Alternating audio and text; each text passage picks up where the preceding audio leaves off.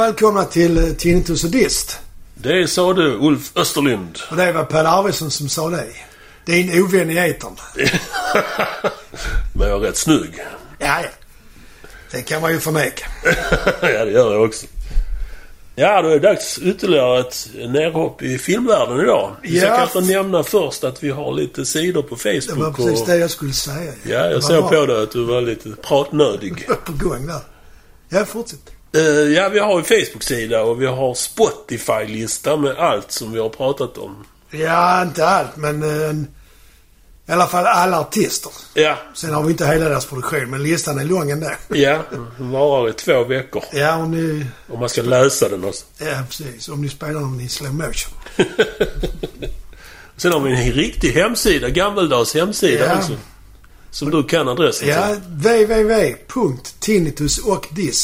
www.tinnitusochdist.weebly som då stavas w-e-e-b-l-y.com. Det var en kort och koncis och Precis. bra adress. Det är många som drömmer om en sån adress faktiskt. Ja, det var inte billig. Själv bor jag på en annan adress. Du har ett hem alltså? Ja. Ja. Men vad skulle vi då prata om idag? Vi tänkte dyka ner i filmvärlden igen. Eh, och lite musik. Den här eh, gången blir det ju lite mer uh, lyna filmer. Alltså humorfilmer. Ja, fast, ja, fast det finns ju många sorters humorfilmer. Men detta är ju då där man driver med Branschen. branschen eller eh, enskilda orkestrars karriär och Ja. sådär. Ja. Och då har vi hittat varsin favorit. Ja, och då ska du prata om... Ja, det är en film som... Du kan se om du kan gissa den. Eh, den kom 1984. Och det blev direkt en kultfilm i musikerkretsar. Det vill säga bland oss som aldrig nått särskilt högt upp. För eh, många i det översta rockstjärneskiktet, många skeljud, landade inte filmen riktigt lika bra. Alltså de fattade, de har ingen distans till handlingen i filmen. De tyckte bara, jag hade, vad är det, det här är en vanlig dag på jobbet liksom. Ja, ja, ja. Och filmen jag pratar om är ju såklart Spinal Tap. Urmodern. Det är ju alltså Spinal Tap är ju liksom den film som jag kommer att prata om som då heter The Ruttles. Mm. All You Need Is Cash. Det är ju någon form av egen genre kan man säga. Ja, det är det ju. Den kom väl egentligen innan den här. Ja, Jag, jag har ingen koll på när den första kom men det är man, man framställer det som om, om, om det är en dokumentär men allting i dokumentären är fejkat. Ja, det är sant. Och man driver med artisten i fråga. och Så då kallas det för mockumentär på svenska. Ja. Alltså mock på engelska, det är Men det, med det. begreppet fanns ju inte när varken din eller min film gjordes. Nej, jag har inte hört det faktiskt. Första gången jag hörde det var när jag såg en, eh, en mockumentär om ett kant, eller ett sånt, eh, ja det är nog en form av countryband. Väldigt tidig sortens country med fioler och sånt. Mm. Att de ska återförenas och ställa upp på någon countryfestival. Och det inbördes striderna där. Och den, den filmen kallas för en mockumentär. Ja. Men den är ju relativt ny. Den är kanske från 90-talet eller 2000-talet. Men jag vet tyvärr kommer jag inte ihåg vad den heter. Ja, det är inte, det är inte vanligt tema ska man inte säga. Men Borat och så har ju också använt Ja, det är också en form kan man säga. Fast det är ju ingen musik i det. Nej, Så. det är det ju inte. Men uh, Spinal Tap, det är numera betraktas den ju som en klassiker i alla läger. Eller om man ska citera en av de lyna replikerna ur filmen. Så, Spinal Tap does for sex, drugs and rock and roll what Sound of Music did for Hills. Är typiskt dem på något sätt. är? Ja, de var lite sådana. Och sen är det väldigt engelsk kommentar också. Ja. Men faktum är att de är amerikaner allihopa. Är de med? Jag trodde också de var engelska. Ja, men de framställs. De har lite det. Där ser man så lurad man kan bli. Ja, men de är väldigt duktiga på den här dialekten. Som inte lär finnas någonstans i England som de pratar. Ja, okej. Okay, är så en hittepå. Ja. Esperanto-dialekt. Ja. Plotten eh, i filmen är ju, eh, för de som inte till äventyrs inte känner till filmen. Det är ett engelskt eh, heavy metal-band som ger sig ut på en comeback-turné i USA. Ja, så ska de väl släppa en comeback-platta också. Ja, just det. Under tiden liksom. Just det. Smell the glove. ja, det är när. Och då, då har man ju bokat en massa coola klubbar och till och med arenor och sånt där. Men eh, dessvärre visar det sig att eh, bandmedlemmarna genom åren, de har förlorat lika många hjärnceller som de har förlorat fans i USA. Så hela resan kantas ju av det ena lågvattenmärket efter det andra. Mot slutet har de sjunkit så lågt att de är förband till en dockteater. det kommer jag inte ihåg faktiskt. Jag tror bara det står på en skylt. Ja, okej. Det, det har gått mig förbi det. Men det visste ju inte eh, han som är, eh, vad ska man säga, konferencier eller i filmen. Han som har Han som filmar mig. Ja. Han visste ju inte det. Martin de Bourgui heter han i filmen. Han har inte räknat med att de inte var populära längre. För han hade haft en uh, larger than life-upplevelse 1966 när bandet hade spelat i USA. Okej. Så när han sa att de skulle komma så gick han ju i mål. Alltså det här måste jag... Han var, han var USAs bästa hundmatsfilmare. Reklamfilmare till hundmat. Enligt honom själv. så, men det släppte han ju allt det så bestämde han sig för att göra en dokumentärfilm på hela den turnén de skulle göra. Ja, okej. Och det är liksom plotten att han åker med bandet och Ja. Filmar det som händer så att säga. Så Ja. ska det släppas en dokumentär efteråt då, antar jag. Ja, precis. Och det är då den Martin de Bourgui. Det spelas av eh, regissören Rob Reiner. Ja, han var ju lite känd. Han gjorde ju bland annat den här Stand By Me när de... Jag vet, de är väl inte tonåringar är de tonåringar så är de väldigt tidiga tonåringar som hört talas om att det ska finnas en död eh, kropp i skogen i närheten Just de det, bor. Så ger de sig ut och letar. Ja. Det är väl en skräckfilm, inte? Nej det, är, nej, det är väl mer en form av relationsfilm mellan barn och... Ja, just det. Är det inte något barn som blir dödat? Är, men, eh, ja, det, är de letar ju efter en, en pojke som har försvunnit som det ryktas att eh, han ligger död i skogen. Ja, just det. Så det var den första där jag eh, la märke till hans namn, Rob Mm. Reiner. Han har väl gjort fler Ja, Jag eh, tror det, men jag kommer inte på det. Nej, jag kommer inte ihåg heller. Men han är rätt stor i branschen. En jävligt lyn kille också. Ja, okej. Verkar det som. Och de, de visste ju... Han, han pratar ju inledningsvis i filmen och, och kallar den... Själv tycker han nog det är rätt fyndigt. Det är ingen dokumentär, det är en rockumentär. Oj. Så begreppet mockumentär, det fanns ju inte då. Nej, det kan det knappt ha gjort. För då hade han ju... Nej, men han säger inte att han ska driva med sig själv. Nej, för sig inte. Det är ju... I filmen är det en dokumentär, men i, utanför filmen när man tittar som vi gör, Ja, då är det ju en mockumentär. det blir uh, rätt mycket metaperspektiv. Ja, det det är en film i filmen som Ja, handlar precis. om... Ja. Jag våra förstånd. Jag är bara gitarrist och Pelle spelar trummor. Och jag är dum i huvudet. Ni begriper ju själv. Men han skriver låtar. Ja, just det. Eh, Den riktiga bakgrunden till alltså själva spelfilmen Spinal Tap, det är att eh, det är två gitarrister. Ja. I filmen heter de Michael McKean och Christopher Guest. De spelas av eh, David St. Hubbins och Nigel... eh, Nej, du har Nej, det fel. där. Jag har vänt på det. Ja. Ja. just det. Det- just det. Nigel Tufnell spelas av Christopher Guest. Så är och, det, eh, ja. David St. Hubbins spelas av Michael McKean. Just det. Eh, basisten heter i alla fall Harry Shears i På filmen. riktigt? Ja. Och Derek Smalls i filmen. De tre, det är ju ett riktigt sånt eh, sammansvetsat grabbgäng. De hade som partytrick på fester. Där de lallat fram liksom de här karaktärerna som är i filmen. Ja, okej. Hårdrock, sp- lite puckade sådär. Och eh, i slutet på 70-talet så eh, hade de ett TV-program tillsammans med Rob Reiner. Ett, humorprogram. Och då gjorde man en kort sketch som, på detta temat. Ja, Ja, okej. Puckade hårdrockare. Det blev mycket uppskattad i TV, bland TV-publiken. Och regissör Rob, han insåg ju att deras eh, neverending och helt improviserade rappakalja var unik. Så han, det här skulle man kunna göra en hel film på, tänkte han. Och det gjorde man. Först så gjorde man en som eh, man placerade i uh, roadie-världen. Filmen döptes ytterst fantasifullt till Roadie. De var själva inte nöjda med den heller. Men eh, de spånade vidare och då kläckte de den här idén till eh, Spinal Tap. Ja, Och det, var, det låg ju helt rätt i tiden. Detta var ju då 83 kanske. 82, 83. Och då hade ju liksom folk börjat, alltså, inte, inte tröttna med de här diva och dekadenta livsstilen som rockstjärnorna hade. Ja, Och de här filmerna pompösa som vi har pratat om sist. Song Remains the Same och Last Waltz. ja Så- fast Last Wars är inte så pompös. Nej, det är den Men den är ju ändå...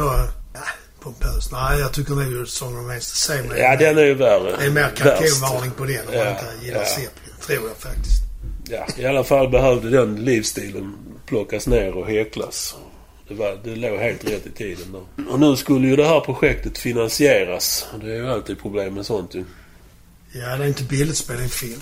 Framförallt så har ju finansiärerna en irriterande tendens till att vilja läsa manus och bedöma därifrån om kassakistan ska öppnas. Och det insåg ju de här fyra att det kommer vi ju aldrig till att få ihop. För de... Ja, det var inte deras stil helt enkelt. Eller så get de inte sitta och skriva ner. Ja, men det kan ju vara så att vissa komiker, som man väl ändå får kalla dem, de är ju bättre i ögonblicket. Ja, ja, Samspelet där mellan dem föder ju liksom... ja. Man kan ju jämföra med Hipp Hipp här till exempel i Sverige. Ja, Humorserien. det kan man göra. Jag tror inte det är mycket manus där heller. Nej, inte... Jag var ju faktiskt med när de spelade in en del. För jag Wow. vad heter det? Sta, jag höll på att säga stand-in, men det är ju inte. A brush with the celebrities. Statist. Ja, men jag fick stå i bakgrunden. men då var det ju så att Kajan, då hade de ju riktlinjer liksom. Ja, ja, sen, Den här scenen ska vi göra, det ska handla om ungefär detta. Så sen fick. Johan Wester då i rollen som Kajan gå loss. Ja, Vilket gjorde att det blev det kunde vara tre tagningar och skämten var inte riktigt samma i alla tagningar. nej. Vilket var ganska roligt. Ja, Men om man jobbar så så är det såklart svårt att klämma ur sig ett manus. ja, ja. Så de gjorde inte det utan de istället freebasade de ihop en film, eller en trailer på 20 minuter och gick runt med. Ingen tyckte det var det minsta roligt och de fattade inte heller vad de hade gjort. Så det blev många, mycket spring på filmbolag innan de till sist fick napp. Och de fick liksom eh, krypa ner på knä för, de, för att få igång det här projektet. De var tvungna att säga nej till alla rättigheter till filmen. Men betyder det, nu visar jag min okunskap här när det gäller eh, ekonomi och pengar. Jag tror inte jag kan svara heller. Nej, jag tänker högt istället. Om man säger nej till alla rättigheter, betyder det att man inte får en spänn hur mycket den än säljs?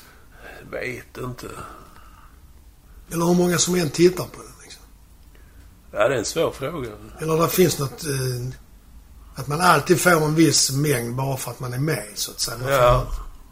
Det är ju kanske som i musikervärlden att det finns STIM och det finns royalty. får, eh, Ja, Jag vet faktiskt Om någon vet det så släng en rad på Facebooken. Så. ja, eller så kan vi kanske googla själv någon gång. Nej, git inte. Nej. Men jag vet att de... Se, filmen blev stor rätt långt senare som kultfilm. Ja, Och så pass stor så att de, de har faktiskt turnerat runt som band. De är ju musiker de tre. På riktigt. ja, okej. Och då så får de lisa sitt eget namn. Alltså Spinal Tap och... De får betala hyra för det. Ja, på något sätt. Då kan man ju säga att de, som de säger på danska, är rövrent. De ja, är grundlurade. ja det, det är sgu möjligt. Inspelningarna var ju såklart allt annat än traditionella. Eh, som vi sa, allting är ju helt improviserat. Och det, det i sin tur ställer ju stora krav på de andra skådespelarna som är med i filmen. Det, det fanns alltså inget manus överhuvudtaget. Alltså de måste vara jävligt vakna där och hänga med i deras tankevärld. Ja, ja. Det måste vara jättesvårt om de tre är ett, som du sa, grabbgäng. Ja, Och har sin interna humor, sina interna referenser. Och så ska det komma, Ja. komma en stackars tränad skådis utifrån och försöka hänga med där. liksom. Ja, det var många stora skådespelare som... De klarade inte av det liksom. Det gick inte. Så.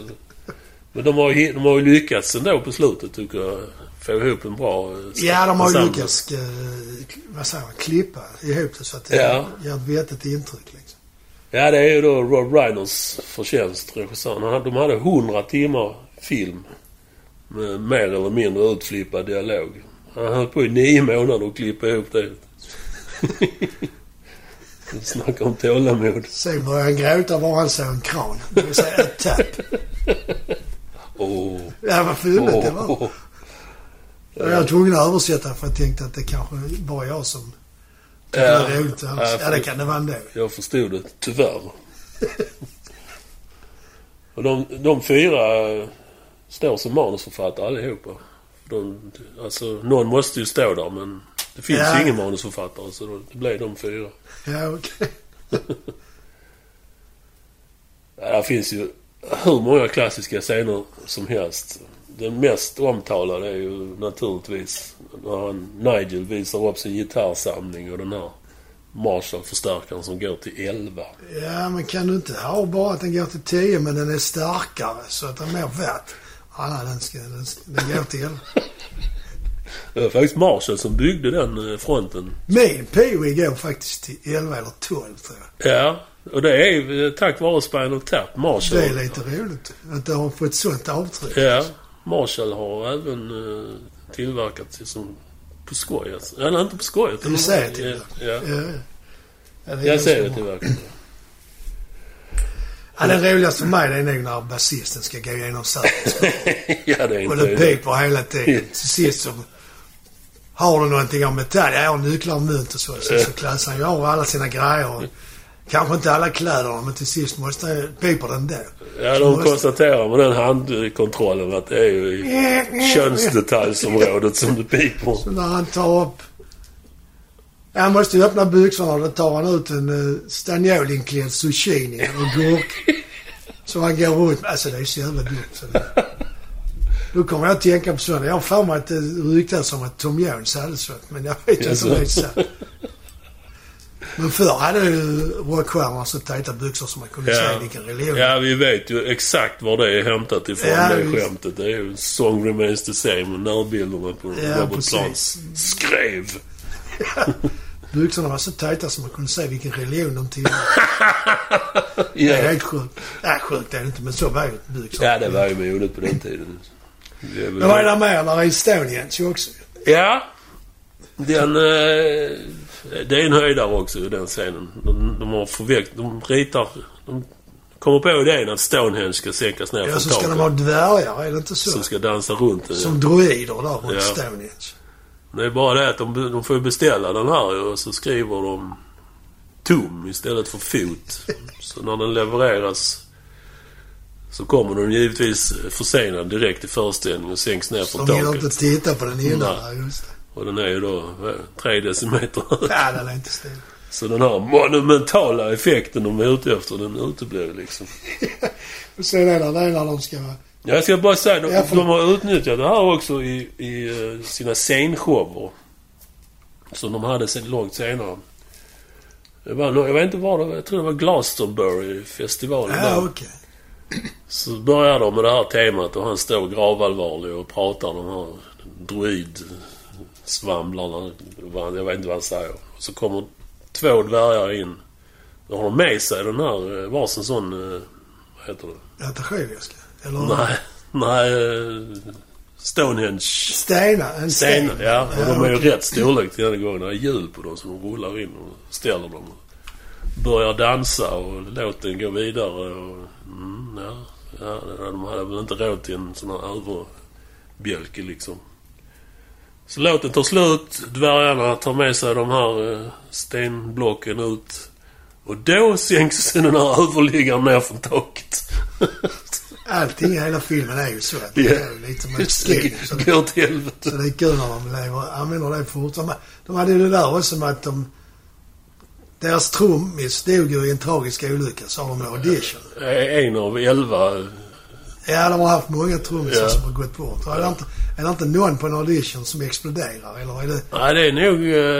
Uh, original, eller den trummisen som är död? I? I filmen. Ja, alltså, nå- Någonstans i slutet så sprängs han bakom tronen. Maximal otur.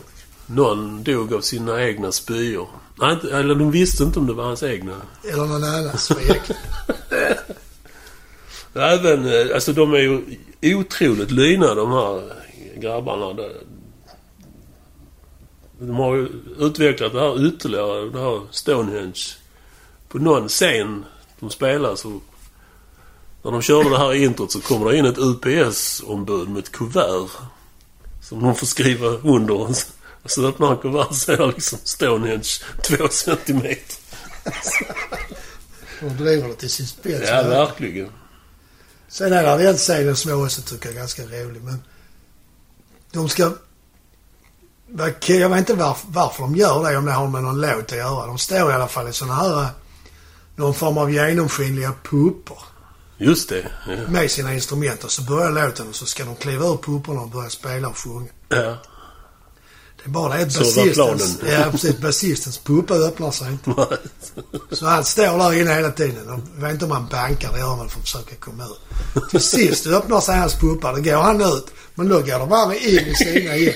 Det är mycket sånt i filmen. ja. Sådana misslyckade grejer som är, de tycker ska, som de tycker ska vara fräcka. Som bara går Blev fel. bara paj av Ja, allting. visst. Där låg alltså, det är ett litet podium under. Jag vet inte om du tänkt på det? Nej. Där låg en eh, kille under var puppa under podiet och höll emot de här dörr, hans basistens dörr. Ja. Så det var inga motorer eller någonting som öppnade. Så där gjorde han det med vilja då. Ska man tolka det så? Höll emot så han inte Nej, ja det kan, det kan vara ett ett infall ju. Nej, det tror jag inte för det kommer in folk och försöker bryta upp det. Ja, just det. En annan lugn scen är den här när de eh, är på en stor arena. Cleveland. Hello Cleveland! De går och springer runt i korridorerna och hets, hetsar upp sig för de ska in på scenen. Men de hittar ju inte scendörren. De springer runt där i katakomben och kommer fram till en vaktmästare som förklarar vägen och de fattar ju inte ändå. Irrar vidare och kommer tillbaka till vaktmästaren. Den idén har de snott ifrån eh, Tom Petty and the Heartbreakers. Det finns, jag har sett den filmen för länge sedan. Eller den är bara ett filmklipp Ja, egentligen. men är det, är det på riktigt med dem eller det de driver också? Jag vet inte, jag uppfattar det som riktigt. De öppnar en dörr och ska liksom Det triumfatoriskt springa in på scenen så kommer de in på en tom tennisbana. Så de har gått jättefel. Ja, det tror jag inte om Tom. Nej, han redde säkert ut det. Ja, ja visst. Och sen är det de här scenerna... Eh, där dyker ju upp en flickvän till David St. Hubbins. Som manövrerar sig ända upp till rollen som manager. Det handlar inte alls om Yoko Ono som jag och de flesta med mig trodde. Utan det visar sig att eh, när de gjorde research till den här filmen så pratade de med en massa olika band. Alla band hade varit med om det här fenomenet. Att en Någon gång i sin karriär. Ja, ja såklart. Ja, En flickvän nästlar sig in och börjar härja och bestämma. Ja, okej. Det är hon som... De släpper den här plattan så tycker de inte att den låter så bra som den borde. Nej, Så måste man hitta någon att skylla på ju. och så har de noll koll. Dobly. Ja, precis. Hon, då vill hon skylla på Dolby, men hon kan inte säga det. Hon, hon säger Dobby. Hon bokar ju in... eh, Ja, detta är mot slutet på filmen. Alltså, allting, alla gig har ju blivit Ja, inställda. det, ja, eller så blir det något fel. Ja, så. katastrof på något Ja. sätt. Så hon eh, har då bokat in ett ytterst förnedrande T-dansgig på en flygbas. Eh, Kollar man inte sånt innan? Nej, ja, det, blev, det går åt helvete där. Men Det har faktiskt hänt i verkligheten det också. Det var Uriah Heep som var- utsattes för det. När i deras karriär? Ja, det vet jag inte men...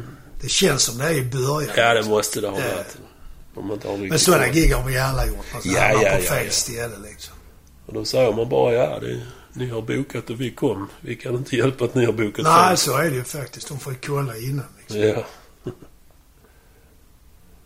Eh, ja, som sagt, de börjar ju turnera som Spinal Tap. Så då blir det vi pratade om meta innan, alltså ironin ska ut på vägarna och möta vägarnas ironi. Så det, blir liksom... och dessutom så... De har gjort massor, hundratals intervjuer såklart. I karaktärer. Ja, det har jag sett rätt mycket också Ja, faktiskt. och det måste ju Kanske inte för dem, men för journalisterna måste det ju kännas konstigt. Intervjua liksom. Menar, en, en seriös rockjournalist intervjuar Ja. ett band som är en parodi på hela branschen. Ja, Och då blir det underförstått även att de ju är en parodi. ja, lite Att så. man inte kan ta det på allvar på något sätt. Ja, det måste ju bli konstigt. Men... Eh, Jag tror inte de bryr sig. De, de fyra alltså. För de, eh, ja, de hittar hela tiden på bisarra historier, olika från gång till gång när de intervjuas. om Vad, vad de har sysslat med när de inte är på turné och bisarra död, dödsorsaker tidigare medlemmar. Ja, ja, Så de har nog jävligt roligt. ja det de tror jag. Och de har gjort, alltså, de, de har gjort en karriär av det, får man ju säga. Det tror jag nog att de har gjort. Det, jag har inte hittat något annat om dem. Som, de har haft lite band och sådär. Men har de gjort några andra skådespelarinsatser? Det har inte jag sett. Nej, jag tror inte det heller. I och med att de är så speciella så... Ja. Men Jag såg någon intervju med, eller när de satt och pratade till filmen, om filmen.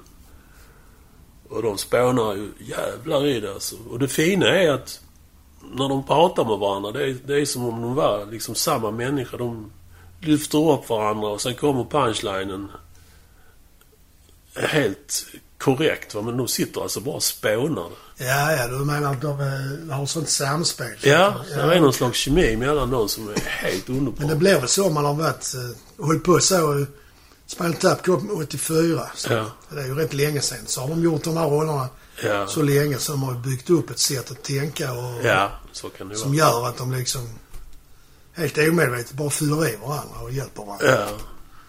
Så det var mitt filmtips. Har ni sett den? Se den igen. Har ni inte sett den? Se den! Ja, det får man ju säga faktiskt. Ja, men då släpper vi, väl in en uh, ännu levande trumslagare. Ja. Då tänker jag prata om eh, min parodifilm som heter The Ruttles. All You Need Is Cash. heter deras film. ja. Som ju då för er som inte är Beatles-kännare är en parodi på All You Need Is Love. Mm. Den här filmen kom 78. Och bakgrunden till det är att Monty Python har precis eh, slutat att göra TV-shower. Eh, de här programmen, Flying Circus. De gjorde väl filmer istället? Ja, de gick över till att göra filmer för John Cleese tröttnade på... John Cleese som då var en av medlemmarna i Monty Python, han tröttnade på att göra TV-serier för han tyckte att han upprepade samma sketch Ja. hela tiden. Ja. Så han hoppade av. Så sista omgången är faktiskt Monty Python alltså. Är utan John Cleese. Jaha, det har jag inte uppfattat. Ja, det vet jag för jag har en box med alla deras avsnitt som jag såg en vecka när jag var sjuk för många år sedan. Underbar vecka. Ja, fast jag var lite sjuk så det var inte kul på det sättet. När de då slutar med TV-serierna så har ju Eric Idle ingenting att göra och han är ju rätt så... Verkar det som i alla fall lite rastlös och Kreativ. ja, mycket idéer och så. Så att han eh, startar något som ett, en TV-serie som kallas för Rutland Weekly eller Weekend Television. Som är ett program från Englands minsta TV-bolag beläget i Englands minsta region. Blygsamt. Eller county. Det är liksom premissen. Ja. Och det är ju fake. Det är, Rutland finns ju inte egentligen. Nej, nej. Det är så låg budget på allting. Liksom, Ja, det är det som är tanken. Är man den minsta regionen och har det minsta TV-bolaget så har man kanske också minst Resurser. resurser och pengar att göra flott program. Så det blev programmet... Det finns på Yo- YouTube. Ni kan slå upp Rutland Weekend Television så kan ni hitta underbart. avsnitt där. Det ska jag kolla på. Och det är ju, det är ju B1 alltså. Allting är B1 i det. Och det är ju meningen. Ja. Men det är ju ändå väldigt mycket Monty Python-humor i det. Ja. Vilket ju det är i den här filmen All You Need Is Cash också. Ja, för att. Eric Idle har ju skrivit mycket av manuset. Och musiken är skriven av en snubbe som heter Neil Innes. Jag Som känner är- igen det namnet. Ja, han var en gång i tiden med i ett band som hette Bonzo Dog Doodah Band från på 60-talet. Och de var lite kända. De var inte Ja. jättekända. Nej. Men Ja, han är ju... Han är en jävel på att skriva låtar som låter som Beatles. Det- Så att det låter... Att man nästan kan tro att de har tagit Beatles låtar och spelar dem baklänges. Alltså ackord Ja, ja, ändrar ja, ja. Är väldigt skickligt gjort. Men de två Ja. gjorde en... Grejen var att Neil Innes var med i, i uh, Environgerna, förlåt, Oj. uh, runt det tv-programmet för han skrev all musik som användes i programmet. Ja, okej. Och då gjorde de en sketch i Rutland Weekend Television i ett avsnitt Mm. med det här fiktiva bandet The Ruttles. Ja, ja, ja. Det är ungefär samma början som Spinal Tap. Ja, det är faktiskt. Det tänkte jag på när du berättade om det.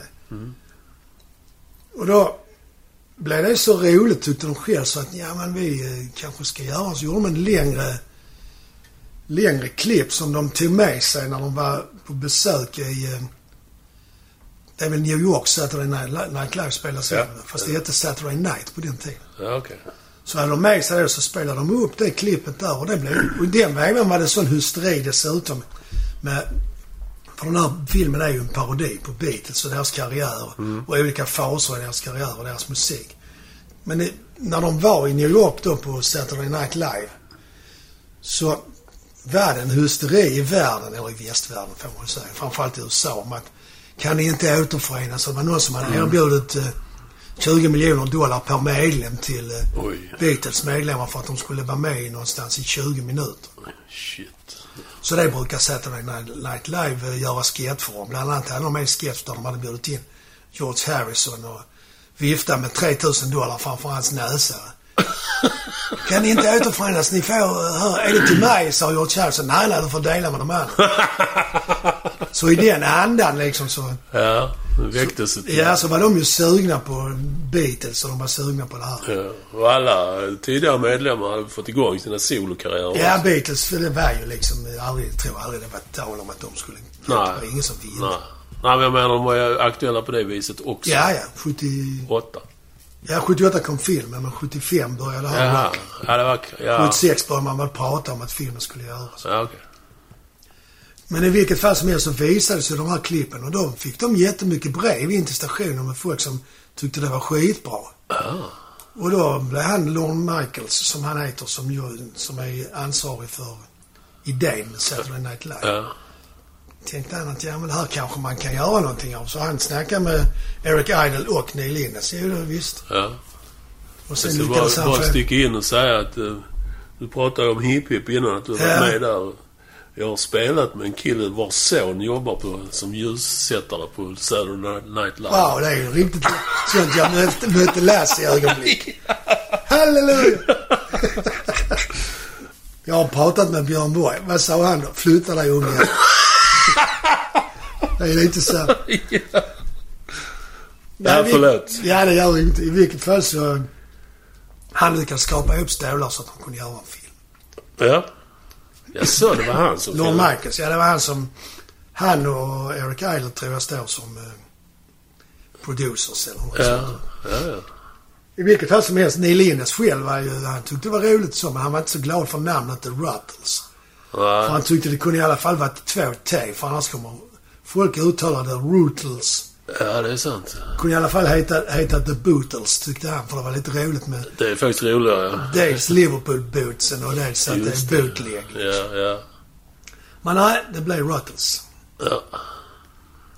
Inget att göra åt. Från början var det faktiskt, hade de, när de började diskutera, jag vet inte om det var sketchen i tv-programmet eller om det var i filmen, så deras tanke var att de skulle göra en parodi på Stones. Att de skulle kalla det för Ru- Rutland, The Rutland Stones. Men de ändrade sig, vilket ju var bra i sig. Ja, det hade nog inte blivit... Ja, det hade säkert blivit. Ja, Är fast... man sprungen ur Monty Python så kan man... Ja, kan man nog vrida till det mesta Ja. Men i filmen så spelas Paul McCartney eh, av Eric Idle som då är från Monty Python. Mm. John Lennon spelas av Neil Innes och han kallar sig, kallas då för Ron Nasty. Vilket är ganska roligt namn för det, fin, det går ju en del eh, rykte om att Lennon, det var ju, han var ju hårdkokt och kunde ibland vara jävligt elak. Liksom. Ja. Så därför är det lite roligt. Det är inte bara eh, intelligenta skämt som kommer. Nej, de har ju sånt också. Ja. Och sen är det en musiker som heter Ricky Fattar som spelar George Harrison. Ja. Och en snubbe som heter John Halsey spelar Ringo. Ricky Fattar är för övrigt eh, erkänd musiker. Han har ju spelat med Beach Boys och Jaså? producerat plattor. Han har dessutom turnerat med Bonnie Raitt. En av Ja. mina stora favoriter. Ja, just det. Och jag har sett honom på KB. Ja, ja. Han var med henne. Det är möjligt att han var med sen när jag såg henne i Köpenhamn också. Men det minns Ja. jag faktiskt inte. Då spelade han trummor. Så han är en sån multi-instrumentalist. Liksom. Spelar han trummor i Beach Boys också? Ja, det vet jag inte faktiskt. Han, eh, apropå citat. Vad heter han? Dennis Wills? Sandy Will? Det- Så här då, trummisen i Beach Boys. Ja. Han har gjort ett uttalande som är... Han var ju så sopigt dålig och de var ju påtända. All American helullepojkarna Ja. var påtända. Så gjorde han ett uttalande på en scen. I'm the greatest drummer in the world! Vad tyckte publiken om det? ja, de var väl påtända de också, så de tyckte det var okej. Svårt att tänka sig att Beach Boys publik skulle vara liksom... Ja, det är ju sån helylle, Ja, det var det jag tänkte fast det är klart. För att Ja. våga surfa kanske man måste vara jättehög. Ja. Det är ju andra rätt så kända personer med i eh, Ja. filmen också. John Belushi är med. Dana Croyd. Ja. Jill Radner. Bill Murray, de är från Night Live Ja. allihopa. De orkar inte kasta utanför huset. Ja, det mesta spelas faktiskt in i USA. De var i New York och spelade in det mesta, men så gjorde de lite scener i Louisiana också. Ja, ja. Visste jag inte. Jagger är med som sig själv. Paul Simon som sig själv. Och George Harrison är med som... Eh, han spelar en journalist som intervjuar eh, folk utanför eh, det som ska vara en parodi på Apple Corps. Ja. Då har de en banan som låg. Just det. Det är, just det är så typiskt Monty Python. Ja. På tal om eh, Ron Wood så säger ju Eric Idle spelar ju både han eh, basisten Paul McCartney Mm. och han spelar även den här reportern som gör alla dokumentära inslag i filmen. Ja, ja. Vid något tillfälle så är de vid det här huvudkontoret för det blev ju Apples riktiga kontor. Det, det, de blev ju, de, det försvann mycket prylar och, och sånt. Därför så gör de en sketch för det att Ja. Folk bara går in och tar grejer och går ut liksom. Och så har HR bott där ett tag också. Oj. Men de lämnade det liksom och så in- intervjuar eh, de Ron Wood som HR-medlem. Mm. Varför sätter de inte stopp för detta och slutar med det? Jag vågar inte, han. Varför det? Ja, för då, då får jag en smäll av hon här. Det är en sån liten tös. som kallas för Big Valerie. Det var så typiskt Monty Python. De vänder på allting liksom. Det är lite modigt att skoja om HR. Ja, det får man ändå säga faktiskt. Men som sagt, det där med Monty Python. Det är, jag såg ju om filmen nu för ett tag sedan. De första sex minuterna innehåller ju fler roligheter än vad en hel tv-serie med svensk komik gör. Ja, det är också Monty Pythons signum. Det, Ja, ja, bara visst. staplas liksom poänger hela tiden. De är... eh, I en scen så är de... De följer ju Ruttles fotspår genom karriären så att säga. Och det är ju då en parodi på Beatles. Så när Beatles är på Star Club i Hamburg så är Ruttles på Rat Keller. Och utanför det, utanför Rat Keller så står då Eric Idle så säger han Here they were at the Rat Keller, far from home and far from talented. Jävla. Det är en del sådana eh, one-liners som är helt makalöst. Eh, när de visade filmen Need Is Cash i USA första gången så fick den läs, lägst antal tittare i den veckans mätningar av alla. Va? Men de som såg den gav den väldigt höga betyg. Ja, ja. Och Beatles själv gillar ju, gillar ju filmen. Harrison, eh, det är inte så konstigt. Han är med han gillar ju dessutom Monty Python. ja. Det är ju Harrison som, som finansierar Life of Brian. Just det. För att Ja. de har inga... De får inte ihop eh, eftersom filmen är så kontroversiell. Ja. Alltså Life of Brian nu. Den handlar ju om eh, en som föds i stallet sidan om Jesus. Det är mycket sånt sidan om. ja, men det är ju typiskt Monty Ja, Python. driva. Eh, så han, han betalar ju inspelningen för. För han, som han själv säger, jag vill ju veta hur den slutar. det är ganska roligt. Och eh, Lennon, han, eh, han sa aldrig någonting, men han skickade inte tillbaka de ex han hade fått av filmen för att han skulle ge sitt godkännande. Han gillar dem Så alltså. då antar man ju att han också... Ja. Och Ringo gillar de gladare delarna, men menar att när det blev, de mörkare delarna var för likt verkligheten så han tyckte Ja, där är det igen. Ja. Och Paul, eh, McCartney han var först negativ men han ändrade sig när hans eh, fjälla eller fru då, Linda, Linda. tyckte att den var rolig liksom. Ja. Så de är godkända också reda på vem Ja. som bestämde det då så lite. Jag tycker den är ju, alltså det är en jävligt välgjord parodi på Beatles. Både utseende och karriär och låtar. Musiken är ju fantastisk. Ja. Han skrev 20, Neil Innes som skrev all musiken. Han, skrev, han hade först gjort en låt som heter Get Up and Go som är en parodi på Get Back. Som de dessutom, alltså Ruttles har gett ut skivor i namnet Ruttles. Men den Ja, här musiken. Ja, ja. Och då är det så att då fick han rådet att ta inte med den, Get Up and Go, för den är för lik Get Ja, Back. så det kan bli stämd. ja. Ja. Så han, den är inte med på plattan. Men den, är ju, den finns ju att hitta. Det är fantastiskt att de inte har tagit originallåtarna och skrivit annat. Men det kanske inte de fick göra. Nej, det tror jag inte. Då blir det rättighetsintrång och allt det här Ja, liksom. ja. Get Up han skrev, sa jag det, han skrev 20 låtar efter han hade skrivit en Get Up and Go. På tre månader för att skulle få ihop till filmen. Det är ändå rätt bra Ja, det är, jag. det är ju inga, som du, du så var inne på, det är inga dåliga låtar. Nej, det är det verkligen inte. Det är bra alltså.